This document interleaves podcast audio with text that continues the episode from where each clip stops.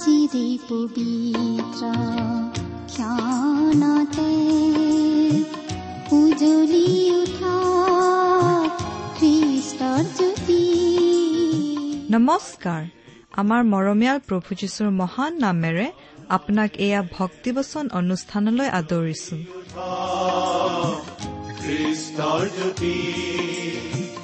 আকাশ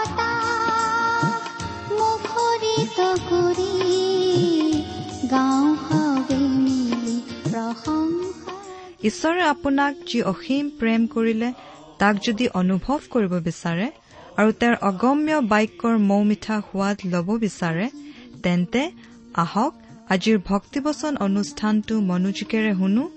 এয়া আপোনালৈ আগবঢ়াইছো ঈশ্বৰৰ জীৱন্ত বাক্যৰ অনুষ্ঠান ভক্তিবচন।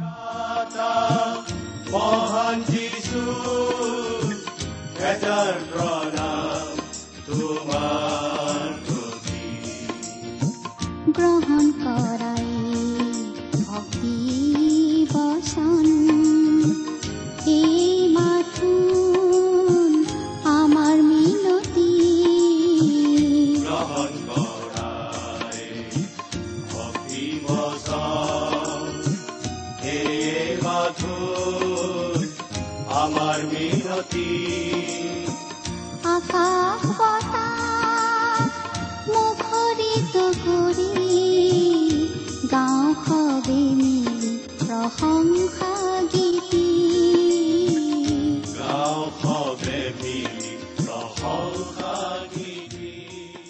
আমাৰ পৰম পবিত্ৰ প্ৰভু যীশুখ্ৰীষ্টৰ নামত নমস্কাৰ প্ৰিয় শ্ৰোতা।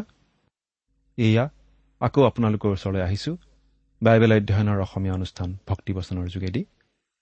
আশা কৰোঁ আপুনি আমাৰ এই অনুষ্ঠান নিয়মিতভাৱে শুনি আহিছে। অনুষ্ঠান শুনি আপুনি কেনে পাইছে বাৰু?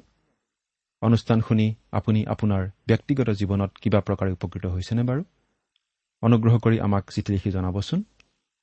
এই অনুষ্ঠান সম্বন্ধে যদি আপোনাৰ কিবা মতামত দিহা পৰামৰ্শ গঠনমূলক সমালোচনা আদি আগবঢ়াবলগীয়া থাকে তেন্তে নিসংকোচে আমালৈ লিখিব পাৰে। অনুষ্ঠানযোগে প্ৰচাৰ কৰা কোনো কথা বুজিবলগীয়া থাকিলেও আমালৈ লিখক। যীশুখ্ৰীষ্ট তথা খ্ৰীষ্টীয় বিশ্বাস সম্বন্ধে অধিককৈ জানিব খুজিলেও লিখক। আমি আমাৰ সাধ্য অনুসাৰে আপোনাৰ প্ৰশ্নসমূহৰ উত্তৰ দিবলৈ চেষ্টা কৰিম। চিঠি লিখিবৰ সময়ত কেৱল নিজৰ নাম ঠিকনা আদি স্পষ্টকৈ লিখিবলৈ যেন নাপাহৰে আমাৰ ঠিকনা ভক্তিবচন টি ডব্লিউ আৰ ইণ্ডিয়া ডাক বাকচ নম্বৰ সাত শূন্য গুৱাহাটী সাত আঠ এক শূন্য শূন্য এক। ভক্তিবচন T W R India post box number seventy Guwahati seven eight one zero' zero' one. আমাৰ website W W W dot radio' eight eight two dot com প্ৰিয় শ্ৰোতা আপুনি বাৰু আমাৰ এই ভক্তিবচন অনুষ্ঠানটো নিয়মিতভাৱে শুনি আছেনে? আমি বাৰু এতিয়া বাইবেলৰ কোনখন পুস্তক অধ্যয়ন কৰি আছো? আপোনাৰ মনত আছেনে? আমি আজি কিছুদিন ধৰি বাইবেলৰ নতুন নিয়ম খণ্ডৰ জোহনৰ প্ৰথম পত্ৰ নামৰ পুস্তকখন অধ্যয়ন কৰি আছো নহয়নে বাৰু? যোৱা অনুষ্ঠানত আমি এই প্ৰথম জোহন পুস্তকৰ দুই নম্বৰ অধ্যায়ৰ চৌব্বিছ নম্বৰ পদলৈকে পঢ়ি আলোচনা আগবঢ়াইছিলো। আমি এটা কথা বিশেষভাৱে আলোচনা কৰিছিলো যে জোহনৰ দিনতেই বহুতো খ্ৰীষ্টাৰী ওলাইছিল। যি লোকে খ্ৰীষ্টৰ ঈশ্বৰত্বক অস্বীকাৰ কৰে সেই লোকেই খ্ৰীষ্টাৰী বুলি জোহনে কৈছে। খ্ৰীষ্টাৰীয়ে খ্ৰীষ্টকো অস্বীকাৰ কৰে আৰু পিতৃ ঈশ্বৰকো অস্বীকাৰ কৰে। আমি এই কথাও পাইছিলো যে খ্ৰীষ্টক অস্বীকাৰ কৰা মানে পিতৃ ঈশ্বৰকো অস্বীকাৰ কৰা হয়। শেষত আমি এই কথাটো পাইছিলো যে আমি ঈশ্বৰৰ বাক্যত থিৰে থাকিলে পিতৃ আৰু পুত্ৰত থিৰে থকা হয়। তেনেদৰেই আমি ঈশ্বৰৰ সৈতে সহভাগিতা ৰক্ষা কৰিব পাৰোঁ। আজি আমি পঁচিছ নম্বৰ পদৰ পৰা আমাৰ আলোচনা আৰম্ভ কৰিব খুজিছো। আহকচোন আজিৰ অধ্যয়ন আৰম্ভ কৰাৰ আগতে পৰম পিতা পৰমেশ্বৰৰ ওচৰত প্ৰাৰ্থনাত মূৰ্ণত কৰোঁ হওক। আমি প্ৰাৰ্থনা কৰোঁ স্বৰ্গত থকা আমাৰ মৰমীয়াল পিতৃ ঈশ্বৰ তোমাৰ মহান নামৰ ধন্যবাদ কৰোঁ। তোমাৰ গৌৰৱ মহিমা সকলো ঠাইতে বিয়পি পৰক। তুমি গোটেই বিশ্ব ব্ৰহ্মাণ্ডৰ সৃষ্টিকৰ্তা পালনকৰ্তা ঈশ্বৰ। তুমি সৰ্বজ্ঞানী সৰ্বব্যাপী সৰ্বশক্তিমান ঈশ্বৰ। তোমাৰ আগত আমি অতি নগণ্য ধূলিকণা মাত্ৰ। তথাপি প্ৰভু তুমি যে আমাক ইমান প্ৰেম কৰা সেই কথা ভাবিলেই আচৰিত হওঁ। তুমি আমাক প্ৰেম কৰাৰ প্ৰমাণ দি তোমাৰ একেজাত পুত্ৰ যীশুখ্ৰীষ্টক জগতলৈ পঠালা। তেওঁ ক্ৰুচত আমাৰ হকে প্ৰাণ উচৰ্গা কৰি আমাৰ পাপৰ প্ৰায়চিত্ৰ কৰিলে। তৃতীয় দিনা কবৰৰ পৰা জি উঠি নিজৰ ঈশ্বৰত্বৰ প্ৰমাণ দিলে আৰু সোঁশৰীৰে স্বৰ্গলৈ গৈ এতিয়া তোমাৰ সিংহাসনৰ সোঁহাতে বহি আমাৰ হকে নিবেদন কৰি আছে। আজি তেওঁত বিশ্বাস কৰি আমি পৰিত্ৰাণ লাভ কৰি অনন্ত জীৱনৰ অধিকাৰী হ'ব পাৰিছো আৰু তোমাক পিতৃ বুলি মাতিব পৰা হৈছো। আমি অতি অযোগ্য আৰু অধাৰ্মিক হোৱা সত্বেও যে তুমি আমাক ইমান প্ৰেম কৰিলা তাৰ বাবে অশেষ ধন্যবাদ পিতা। এতিয়া আমি তোমাৰ মহান বাক্য বাইবেল শাস্ত্ৰ অধ্যয়ন কৰিবলৈ ওলাইছো। তোমাৰ বাক্যৰ নিগৃঢ় তত্ত্ব আমি বুজি পাব নোৱাৰো যদিহে তুমি আমাক বুজাই নিদিয়া। এতেকে আহা প্ৰভু আমাক তোমাৰ বাক্য বুজিবলৈ সহায় কৰা। আমাৰ প্ৰতিজনৰ প্ৰয়োজন অনুসাৰে তুমি বিশেষভাৱে কথা কোৱা। এই অনুষ্ঠান শুনি থকা প্ৰতিজন শ্ৰোতাৰ আগত তুমি নিজকে প্ৰকাশ কৰা। তেওঁলোকৰ জীৱনত উপচি পৰাকৈ আশীৰ্বাদ কৰা। এই অনুষ্ঠানৰ আৰম্ভণিৰ পৰা শেষলৈকে তুমি আমাৰ লগত থাকি আমাক পৰিচালিত কৰা। কিয়নো এই প্ৰাৰ্থনা আমাৰ মহান ত্ৰাণকৰ্তা প্ৰভু যীশুৰ নামত অৰ্পণ কৰিলো। আমেন।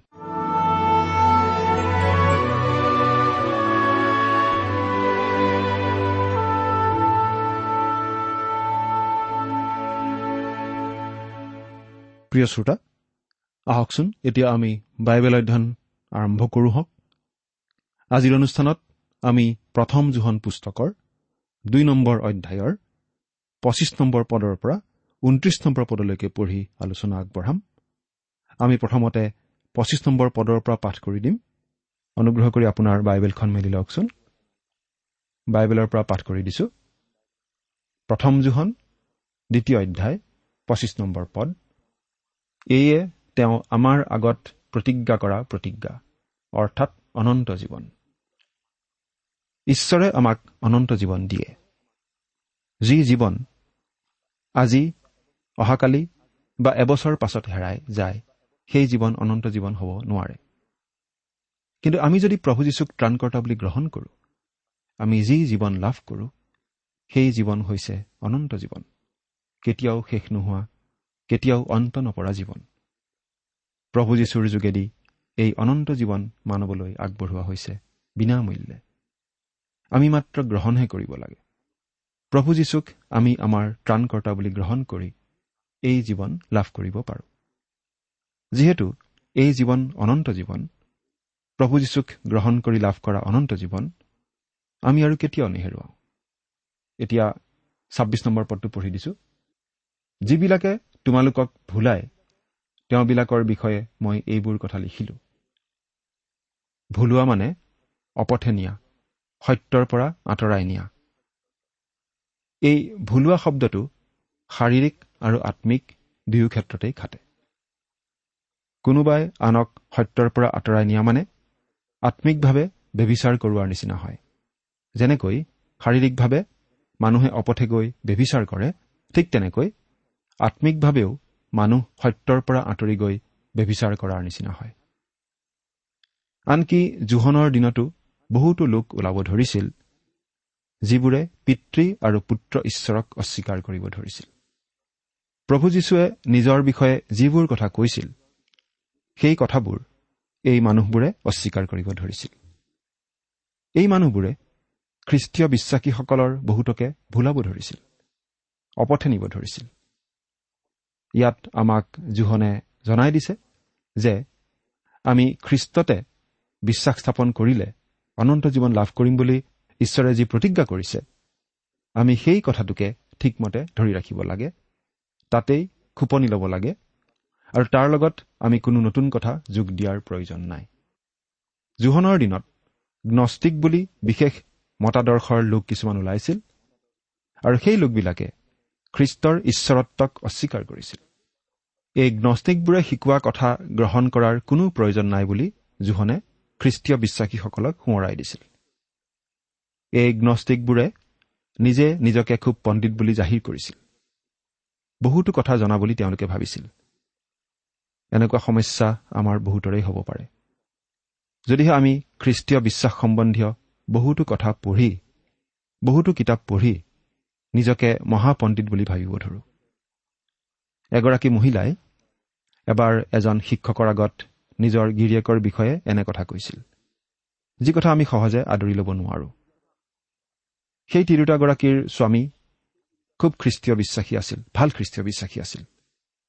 সেই কথা সকলোৱে স্বীকাৰ কৰিছিল। কিন্তু সেই তিৰোতাগৰাকীয়ে খ্ৰীষ্টীয় বিশ্বাস সম্বন্ধীয় বহুতো কিতাপ পঢ়ি আৰু বিভিন্ন বাইবেল ক্লাছত নিয়মিতভাৱে যোগ দি দি নিজকে খুব ডাঙৰ পণ্ডিত বুলি ভাবিব ধৰিছিল। তিৰোতাগৰাকীয়ে এনেকুৱা ভাৱ দেখুৱাব ধৰিছিল যে তেওঁ গিৰিয়েকতকৈ বহুত বেছি কথা জানে। তেওঁ গিৰিয়েকক শিকাব পাৰে কিন্তু আচলতে কথাটো সঁচা নহয়। তিৰোতাগৰাকীৰ গিৰিয়েক যথেষ্ট বুদ্ধিমান আৰু শিক্ষিত লোক আছিল। এনেকুৱা কথা আমি আমাৰ মাজত ঘটি থকা আজিও দেখোঁ। বহুতো খ্ৰীষ্টীয় বিশ্বাসীয়ে নিজকে মহাপণ্ডিত বুলি ভাবে। আন লোকতকৈ আত্মিকভাৱে উন্নত বুলি ভাবে। আনতকৈ নিজকে অধিক ধাৰ্মিক অধিক পবিত্ৰ বুলি ভাবে। আমি সাৱধান হোৱা উচিত যাতে এনেকুৱা ভুল আমি নকৰোঁ। বাইবেলত আমাক সাৱধান কৰি দিয়া হৈছে যাতে আমি নিজক প্ৰয়োজনতকৈ অধিক বৰ বুলি নাভাবোঁ। বৰং আমি এই কথাই মনত ৰখা উচিত যে যদিহে আমি খ্ৰীষ্টত আশ্ৰয় লৈ ঈশ্বৰৰ সন্তান হলো যদিহে আমি খ্ৰীষ্টত থাকি জ্ঞান আৰু অনুগ্ৰহত বৃদ্ধি পাই থাকোঁ তেতিয়াহ'লে আমি জোহন বাপ্তাইজকৰ নিচিনাকৈ এই বুলিহে ক'ম। তেওঁ বাঢ়ি বাঢ়ি যাব লাগে কিন্তু মই সৰু হৈ হৈ যাব লাগে। জোহন তিনি অধ্যায় ত্ৰিশ পদ। আমি যদি আত্মিক দিশত উন্নতি কৰোঁ তেনেহ'লে আমি আচলতে অধিক নম্ৰহে হ'ম। কেতিয়াও নিজক পণ্ডিত পণ্ডিত নেদেখুৱাই নম্ৰভাৱহে দেখুৱাম। এজন বিশ্ববিখ্যাত বাইবেল পণ্ডিতে এই বুলি মন্তব্য কৰিছিল। মই যিমানেই ঈশ্বৰৰ বাক্য অধ্যয়ন কৰোঁ সিমানেই মই এই কথাহে বুজি পাওঁ যে মই বহু কথা নাজানো। মোৰ আৰু বহুত কথা শিকিবলগীয়া আছে। মই ছেমিনাৰীত পঢ়ি আহিলোঁ ডিগ্ৰীও ল'লোঁ। কিন্তু এতিয়াও মই নতুন নতুন কথা সদায় শিকি আছোঁ। আৰু শিকাৰ শেষ নাই। মই আগতে অনুভৱ কৰা নাছিলোঁ। কিন্তু যিমানেই বাইবেল অধ্যয়ন কৰি গৈছোঁ সিমানেই বুজি পাইছোঁ যে মোৰ আৰু বহুত শিকিবলগীয়া আছে। মই নিজকে পণ্ডিত বুলি কেতিয়াও নাভাবোঁ। কিন্তু মই কেৱল ঈশ্বৰৰ প্ৰতিজ্ঞাতেই ভৰসা কৰি চলিব খোজো। এতিয়া জোহনে কৈছে প্ৰভু যীশুক তোমালোকে তোমালোকৰ ত্ৰাণকৰ্তা বুলি জানিলা। সেই বিশ্বাসত থিৰে থাকা। কিন্তু এতিয়া তোমালোকে প্ৰভু যীশু আৰু পিতৃ ঈশ্বৰৰ সৈতে সহভাগিতা ৰাখিব খোজা আৰু আন আন খ্ৰীষ্টীয় বিশ্বাসীসকলৰ সৈতেও সহভাগিতা ৰক্ষা কৰি চলা। সাতাইছ নম্বৰ পদটো পঢ়ি দিছো। তেওঁৰ পৰা তোমালোকে যি অভিষেক পালা সেয়ে তোমালোকৰ অন্তৰত থকাত। কোনোৱে যেন তোমালোকক শিক্ষা দিয়ে তোমালোকৰ এনে প্ৰয়োজন নাই। কিন্তু তেওঁৰ সেই অভিষেকে যেনেকৈ সকলো বিষয়তে তোমালোকক শিক্ষা দিছে আৰু সেয়ে যেনেকৈ সত্য মিছা নহয় আৰু সেয়ে যেনেকৈ তোমালোকক শিক্ষা দিলে তেনেকৈ তোমালোক তেওঁতে থাকা। অভিষেক বোলা শব্দটো মূল গ্ৰীক শব্দ কেৰিশ্মাৰ অসমীয়া ৰূপ। আমি কোনো কোনো বক্তা নাইবা শিক্ষকৰ কেৰিশ্মা থকা বুলি মন্তব্য কৰোঁ। কেৰিশ্মা নাথাকিলে কোনো পৰিচাৰকেই বেছি দূৰ আগুৱাব নোৱাৰে। খ্ৰীষ্টীয় পৰিচৰ্যাৰ ক্ষেত্ৰত। সেই কথাটো আমি স্বীকাৰ কৰিবই লাগিব। অভিধানত এই শব্দটোৰ অৰ্থ কিন্তু আমি অলপ বেলেগ ধৰণে পাওঁ। কিবা এটা তেল বা মলমৰ প্ৰলেপ ঘঁহি দিয়াৰ নিচিনা অৰ্থ এটাহে আমি অভিধানত পাওঁ। আমি নৰিয়াত পৰিলে বুকুত কেতিয়াবা কিবা মলম বা তেনেকুৱা প্ৰলেপ দিব লগা হয়। কেৰিশ্মা শব্দটোৱে তেনেকুৱা এটা অৰ্থ বুজায় অভিধানৰ মতে। কিন্তু এই কেৰিশ্মা বা অভিষেক শব্দটোৱে আজি আমাক কি বুজায়? খ্ৰীষ্টীয় বিশ্বাসী হিচাপে আমাৰ বাৰু এই শব্দটোৰ পৰা কি বুজিব লগা কথা আছে? আমি পুৰণি নিয়মত পঢ়িবলৈ পাওঁ যে ঈশ্বৰৰ আজ্ঞা অনুসৰি পুৰোহিতসকলক তেলেৰে অভিষিক্ত কৰা হৈছিল। সেই তেলৰ অভিষেকৰ দ্বাৰা আচলতে এই কথাটো প্ৰকাশ কৰা হৈছিল যে পুৰোহিতসকলক কিছুমান বিশেষ কাম কৰিবৰ বাবে পবিত্ৰ আত্মাৰ দ্বাৰা অভিষিক্ত কৰা হৈছিল। অৰ্থাৎ পবিত্ৰ আত্মাৰ চিন হিচাপে তেলেৰে তেওঁলোকে অভিষেক লাভ কৰিছিল। আজি খ্ৰীষ্টীয় বিশ্বাসীসকলৰ বাবেও অভিষেকৰ অৰ্থ আচলতে এইটোৱেই। তেওঁৰ পৰা তোমালোকে যি অভিষেক পালা অৰ্থাৎ আমি খ্ৰীষ্টীয় বিশ্বাসীসকলে ঈশ্বৰৰ পৰা অভিষেক পালো। যেতিয়া আমি প্ৰভু যীশুক গ্ৰহণ কৰি পৰিত্ৰাণ লাভ কৰোঁ। তেতিয়া পবিত্ৰ আত্মাই আমাক অভিষিক্ত কৰে। পবিত্ৰ আত্মাই আমাক অভিষিক্ত কৰে যাতে আমি ঈশ্বৰৰ কথাবোৰ বুজি পাব পৰা হওঁ। যি কথা আমি এনেই বুজি পাব নোৱাৰোঁ। তেওঁৰ পৰা তোমালোকে যি অভিষেক পালা সেয়ে তোমালোকৰ অন্তৰত থকাত কোনোৱে যেন তোমালোকক শিক্ষা দিয়ে তোমালোকৰ এনে প্ৰয়োজন নাই। ইয়াত আমি এটা কথা বিশেষভাৱে মনত ৰখা উচিত। আমাৰ কোনো শিক্ষকৰ প্ৰয়োজন নাই বুলি আমাক আচলতে কোৱা হোৱা নাই। আমাক শিক্ষক লাগে। ঈশ্বৰে কিছুমান খ্ৰীষ্টীয় বিশ্বাসীক বিশেষভাৱে বৰ প্ৰদান কৰিছে শিক্ষক হ'বলৈ। এই কথাটো আমাক অতি স্পষ্টভাৱে বাইবেলত জনাই দিয়া হৈছে। ইফিচিয়া পত্ৰত আমি পঢ়িবলৈ পাইছিলোঁ যে ঈশ্বৰে কিছুমানক শিক্ষক কিছুমানক প্ৰচাৰক কিছুমানক পালক হ'বলৈ বিশেষভাৱে বৰ দিছে। আন বিশ্বাসীসকলক বিশ্বাসত গঢ়ি তুলিবলৈ মণ্ডলীৰ শ্ৰীবৃদ্ধি কৰিবলৈ আৰু খ্ৰীষ্টৰ শুভবাৰ্তা ঘোষণা কৰিবলৈ। খ্ৰীষ্টীয় মণ্ডলীত বিশেষভাৱে পৰিচৰ্যা কৰিবলৈ কিছুমান লোকক ঈশ্বৰে শিক্ষক হ'বলৈ বৰ দিছে। আমাক ভাল ভাল শিক্ষক লাগে। আমাৰ খ্ৰীষ্টীয় মণ্ডলীসমূহত বহুতো এনেকুৱা লোক আছে যিসকলৰ যোগেদি আন বহুতো খ্ৰীষ্টীয় বিশ্বাসী বিশ্বাস আৰু পৰিচৰ্যাৰ জীৱনত যথেষ্ট পৰিমাণে উপকৃত হৈছে। এনেকুৱা লোকৰ দ্বাৰা শিক্ষা পায় আৰু অনুপ্ৰাণিত হৈ বহুতো বিশ্বাসীয়ে পৰিচৰ্যাত লাগি আছে। এনেকুৱা লোক বহুতৰে নাম হয়তো আমি নাজানো। কিন্তু এনেকুৱা লোক ঈশ্বৰে মণ্ডলীসমূহত ৰাখিছে মণ্ডলীৰ উন্নতিৰ কাৰণে মণ্ডলীৰ শ্ৰীবৃদ্ধিৰ কাৰণে। গতিকে আমাক ইয়াত এই বুলি কোৱা হোৱা নাই যে মণ্ডলীত কোনো শিক্ষকৰ প্ৰয়োজন নাই।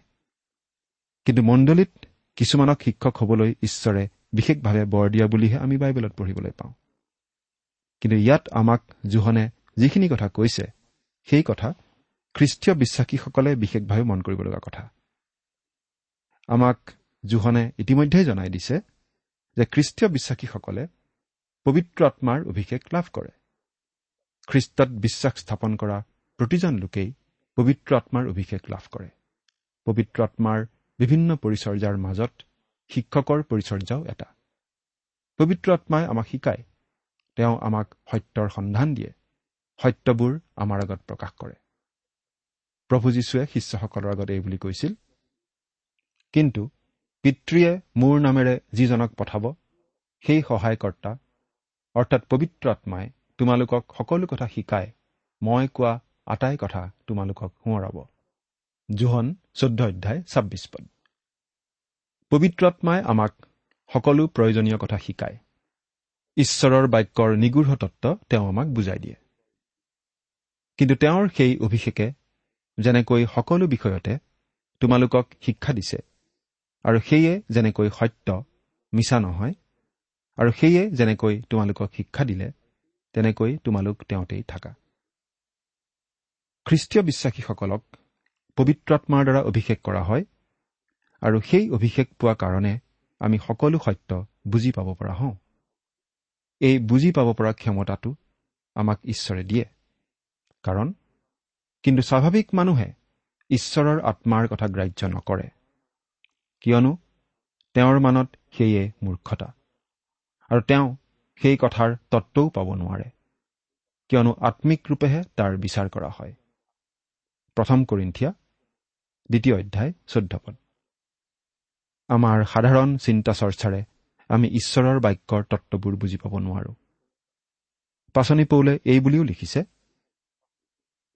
কিন্তু সেই গুপ্ত জ্ঞানৰ বিষয়ে এইদৰে লিখা আছে চকুৱে যি যি নেদেখিলে কাণে যি যি নুশুনিলে আৰু মানুহৰ হৃদয়তো যি যি নুসুমাল ঈশ্বৰে তেওঁক প্ৰেম কৰোতাবিলাকৰ নিমিত্তে যি সকলো যুগুত কৰিলে কিন্তু ঈশ্বৰে আত্মাৰ দ্বাৰাই তাক আমাৰ আগত প্ৰকাশ কৰিলে।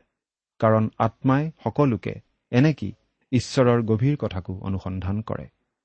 প্ৰথম কৰিন্ঠিয়া দ্বিতীয় অধ্যায় ন আৰু দহ পদ। এয়েই হৈছে খ্ৰীষ্টীয় বিশ্বাসীয়ে লাভ কৰা পবিত্ৰ আত্মাৰ অভিষেক। সেইকাৰণেই আমি খ্ৰীষ্টীয় বিশ্বাসীসকলক ঈশ্বৰৰ বাক্য অধ্যয়ন কৰিবলৈ উদগাওঁ। ঈশ্বৰৰ বাক্য অধ্যয়ন কৰিহে আমি ঈশ্বৰৰ কথা জানিব পাৰোঁ বুজিব পাৰোঁ পবিত্ৰ আত্মাৰ শক্তিৰে। সকলোতকৈ ডাঙৰ কথা এইয়ে যে আমি সকলোৱে এদিন নিজৰ ভৰিত থিয় দি ঈশ্বৰৰ বাক্য নিজে অধ্যয়ন কৰিব পৰা অৱস্থালৈ আহিব পাৰিব লাগিব। পিতৰে এই বুলি লিখিছিল কিন্তু খ্ৰীষ্টক প্ৰভু বুলি তোমালোকৰ হৃদয়ত পবিত্ৰ কৰি মানিবা। যিকোনোৱে তোমালোকৰ অন্তৰত থকা আশাৰ বিষয়ে বিচাৰ লয় তেওঁক তোমালোকে নিজৰ পক্ষে উত্তৰ দিবলৈ সষ্টম হবা কিন্তু নম্ৰতাৰে আৰু ভয়েৰে উত্তৰ দিবা। প্ৰথম পিতৰ তিনি অধ্যায় পোন্ধৰ পদ। এই কাম আমি কৰিব পৰা হ'ব লাগিব। কিন্তু এই বিষয়ত আমি যথেষ্ট সাৱধানো হ'ব লাগিব। আমি বহুতো মানুহ দেখিবলৈ পাওঁ তেওঁলোকে হয়তো বহু বছৰ ধৰি বাইবেল অধ্যয়ন কৰি আছে কিন্তু অলপো আগুৱাব পৰা নাই। সদায় শিকি আছে কিন্তু এখোজো আগবাঢ়িব পৰা নাই। আমি যাতে এনেকুৱা লোক নহওঁ তাৰ বাবে আমি কি কৰিব লাগিব? আমাৰ শিক্ষক হ'ব লাগিব পবিত্ৰ আত্মা। আপুনি যেতিয়া বাইবেল অধ্যয়ন কৰে তেতিয়া বাৰু পবিত্ৰ আত্মাক আপোনাৰ শিক্ষক আৰু পথ প্ৰদৰ্শক হ'বলৈ প্ৰাৰ্থনা কৰেনে? যদিহে আপুনি বাইবেল পঢ়োঁতে কোনো এটা কথা বুজি নাপায় তেতিয়াহ'লে ঈশ্বৰৰ আগত আঁঠু লৈ প্ৰাৰ্থনা কৰা উচিত। এনেদৰে। প্ৰভু মই কথাখিনি বুজি পোৱা নাই মোক বুজাই দিয়া। কথাখিনি মোৰ বাবে অৰ্থপূৰ্ণ কৰি তোলা বাস্তৱ কৰি তোলা। এইটো খুব প্ৰয়োজনীয় কথা। ঈশ্বৰৰ আত্মাই আমাক কথাবোৰ পৰিষ্কাৰভাৱে বুজাই দিব পাৰে। কথাবোৰ আমাৰ বাবে বাস্তৱ কৰি তুলিব পাৰে। আৰু সেয়ে যেনেকৈ সত্য মিছা নহয়। প্ৰভু যীশুৱে এই বুলি কৈছিল কিয়নো ভাৰিকোৱা খ্ৰীষ্ট আৰু ভাৰিকোৱা ভাৱবাদীবোৰ ওলাই এনে মহৎ চিন আৰু অদ্ভুত লক্ষণ দেখুৱাব যে সাধ্য হলে মনোনীত লোকবিলাককো ভুলাব। মুঠি চৌব্বিছ অধ্যায় চৌব্বিছ পদ। ঈশ্বৰৰ দ্বাৰা নিৰ্বাচিত লোকসকলক ছয়তানে অপথে নিব নোৱাৰিব। খ্ৰীষ্টাৰী অহাৰ সময়ত পৃথিৱীত যিবোৰ প্ৰকৃত বিশ্বাসী থাকিব সেইবোৰক খ্ৰীষ্টাৰীয়ে ভুলাব নোৱাৰিব। আজিও কোনো খ্ৰীষ্টাৰীয়ে তেওঁলোকক ভুলাব নোৱাৰে। প্ৰকৃত বিশ্বাসীয়ে ভুল শিক্ষা সহজে চিনি পাব কাৰণ প্ৰকৃত বিশ্বাসীসকলৰ শিক্ষক আচলতে পবিত্ৰ আত্মাহে। পবিত্ৰ আত্মাই প্ৰকৃত সত্য আমাৰ আগত প্ৰকাশ কৰি দিয়ে। খ্ৰীষ্টক গ্ৰহণ কৰি ঈশ্বৰৰ সন্তান হোৱা লোকসকলে খ্ৰীষ্টৰ মাত চিনি পাবই আৰু খ্ৰীষ্টৰ হাতৰ পৰা আমাক কোনেও কাঢ়ি নিব নোৱাৰে। জোখন দহ অধ্যায় সাতাইছ পদত আমি এনেদৰে পাওঁ। ঈশ্বৰৰ সন্তানসকলে মিছা বা ভুৱা মেৰ ৰখীয়াৰ পাছে পাছে নাযায়। তেওঁলোকে প্ৰভু যীশুৰ মাতে শুনে আৰু পবিত্ৰ আত্মাই তেওঁলোকৰ আচল শিক্ষক। এই কথা আমি মনত ৰখা উচিত। বাইবেলৰ পৰা শিক্ষা দিয়া প্ৰতিজন লোককেই আমি তৎক্ষণাত বিশ্বাস কৰি ল'ব নালাগে। আমি পৰীক্ষা কৰি চাব লাগে শিক্ষকজনে সঁচাকৈয়ে ঈশ্বৰৰ বাক্য কৈছেনে। আৰু এই ক্ষেত্ৰত আমি পবিত্ৰ আত্মাৰ সহায় ল'ব লাগে। আঠাইছ নম্বৰ পদটো পঢ়ি দিছো। আৰু এতিয়া সেই বোপাহঁত যাতে তেওঁ প্ৰকাশিত হ'লে আমি হাঁহিয়াল হ'ম। আৰু তেওঁৰ আগমনৰ কালত তেওঁৰ পৰা লজ্জিত নহ'ম তাৰ কাৰণে তেওঁতেই থাকা। আৰু এতিয়া সেই বোপাহঁত ইয়াত আমাক প্ৰতিজন খ্ৰীষ্টীয় বিশ্বাসীকেই সম্বোধন কৰা হৈছে। তেওঁতেই থাকা। অৰ্থাৎ তোমালোক যেনেকৈ ইমান দিনে খ্ৰীষ্টত আছা তেনেকৈ ভৱিষ্যতলৈও সদায় তেওঁতেই থাকা। তেওঁতেই থাকা মানে তেওঁৰ সৈতে সহভাগিতা ৰাখি তেওঁৰ সৈতে মধুৰ সম্বন্ধ বজাই ৰাখি তেওঁৰ বিশ্বাসতেই থাকা। যাতে তেওঁ প্ৰকাশিত হলে। প্ৰভু যীশু আকৌ আহিব। কিমান তাৰিখে আহিব আমি নাজানো। কিন্তু তেওঁ আহিবই বুলি হলে জানো। তেওঁ কিমান তাৰিখে আহিব সেই কথা আমাক কিয় জানিবলৈ দিয়া হোৱা নাই বাৰু? যাতে তেওঁ প্ৰকাশিত হলে আমি হাঁহিয়াল হ'ম আৰু তেওঁৰ আগমনৰ কালত তেওঁৰ পৰা লজ্জিত নহ'ম। তেওঁ কেতিয়া আহিব আমি নাজানো কাৰণেই তেওঁ যিকোনো সময়তে আহিব পাৰে বুলি জানি সেই কথা মনত ৰাখিয়েই আমি জীৱন কটোৱা উচিত। প্ৰভু যীশুৰ আগমনৰ সময়ত আমি বাৰু হাঁহিয়াল হ'মনে? লাজ পাম। আমি যদি পুৰস্কাৰ পোৱাৰ যোগ্য জীৱন কটাওঁ তেন্তে নিশ্চয় হাঁহিয়াল হ'ম। এতিয়া ঊনত্ৰিশ নম্বৰ পদটো পঢ়ি দিছো। তেওঁ ধাৰ্মিক। ইয়াকে যদি জানা তেন্তে যিকোনোৱে ধৰ্ম আচৰণ কৰে তেওঁ যে তেওঁৰ পৰা জন্ম পোৱা হয় তাকো তোমালোকে জানা। প্ৰকৃত খ্ৰীষ্টীয় বিশ্বাসীৰ এইয়েই চিন। প্ৰভু যীশু যিহেতু পবিত্ৰ ধাৰ্মিক গতিকে খ্ৰীষ্টীয় বিশ্বাসীসকলেও পবিত্ৰ আৰু ধাৰ্মিকভাৱে জীৱন কটাব লাগে। তেতিয়াহ'লে তেওঁৰ আগমনৰ দিনা আমি লজ্জিত হ'ব নালাগিব। প্ৰিয় শ্ৰোতা প্ৰভু যীশুৰ আগমনৰ বাবে আমি বাৰু নিজকে প্ৰস্তুত কৰি ৰাখিছোনে? চিন্তা কৰি চাওকচোন। ঈশ্বৰে আপোনাক আশীৰ্বাদ কৰক। আহমে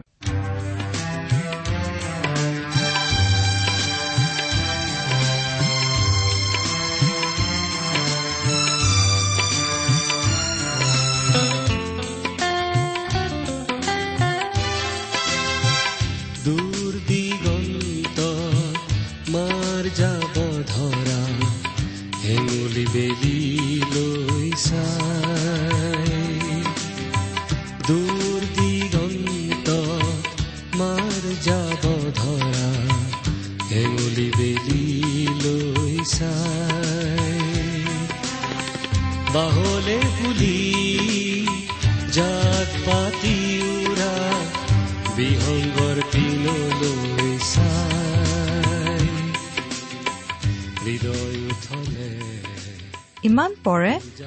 ভক্তিবচন অনুষ্ঠানটি শুনিলে।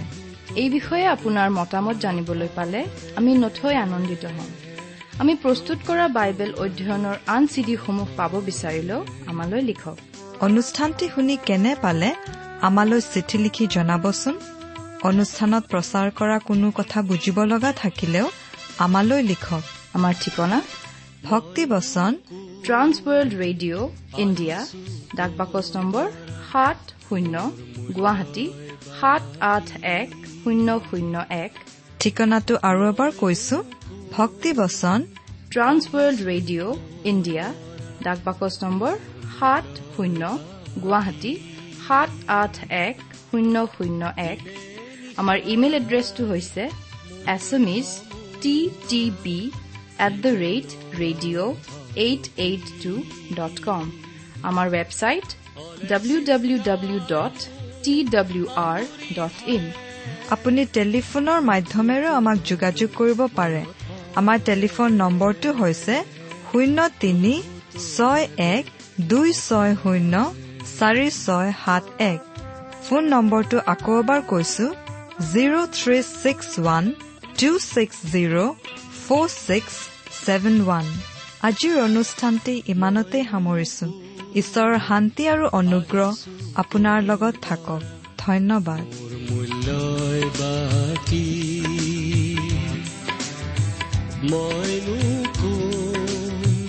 আহিছো কৰ পৰা? মোৰ মূল্যই বাকী। দিনে নিশাই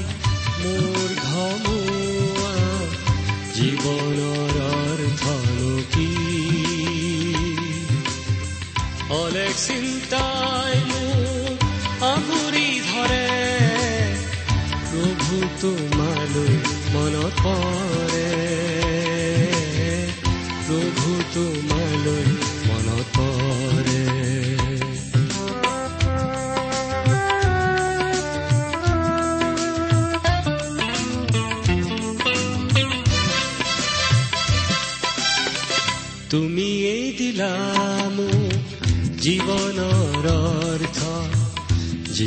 থকাৰ লক্ষ্য। তুমি এই দিলা মোক জীৱনৰ অৰ্থ। জীয়াই থকাৰ লক্ষ্য। এই জীৱনৰ সিপাৰে থকা অনন্ত জীৱনৰ বাক্য। হৃদয় উপচে মোৰ কৃতজ্ঞতাৰে প্ৰভু তোমালৈ মনত পৰে। প্ৰভু তোমালৈ মনত পৰে। দূৰ দিগন্ত মাৰ যাব ধৰা হেঙুলি বেলি লৈ চাই। দূৰ দিগন্ত যাব ধৰা হেঙুলি বেলি লৈ চাই। বাহলে বুলি জাক পাতি উৰা বিহংগৰ পিনলৈ চাই।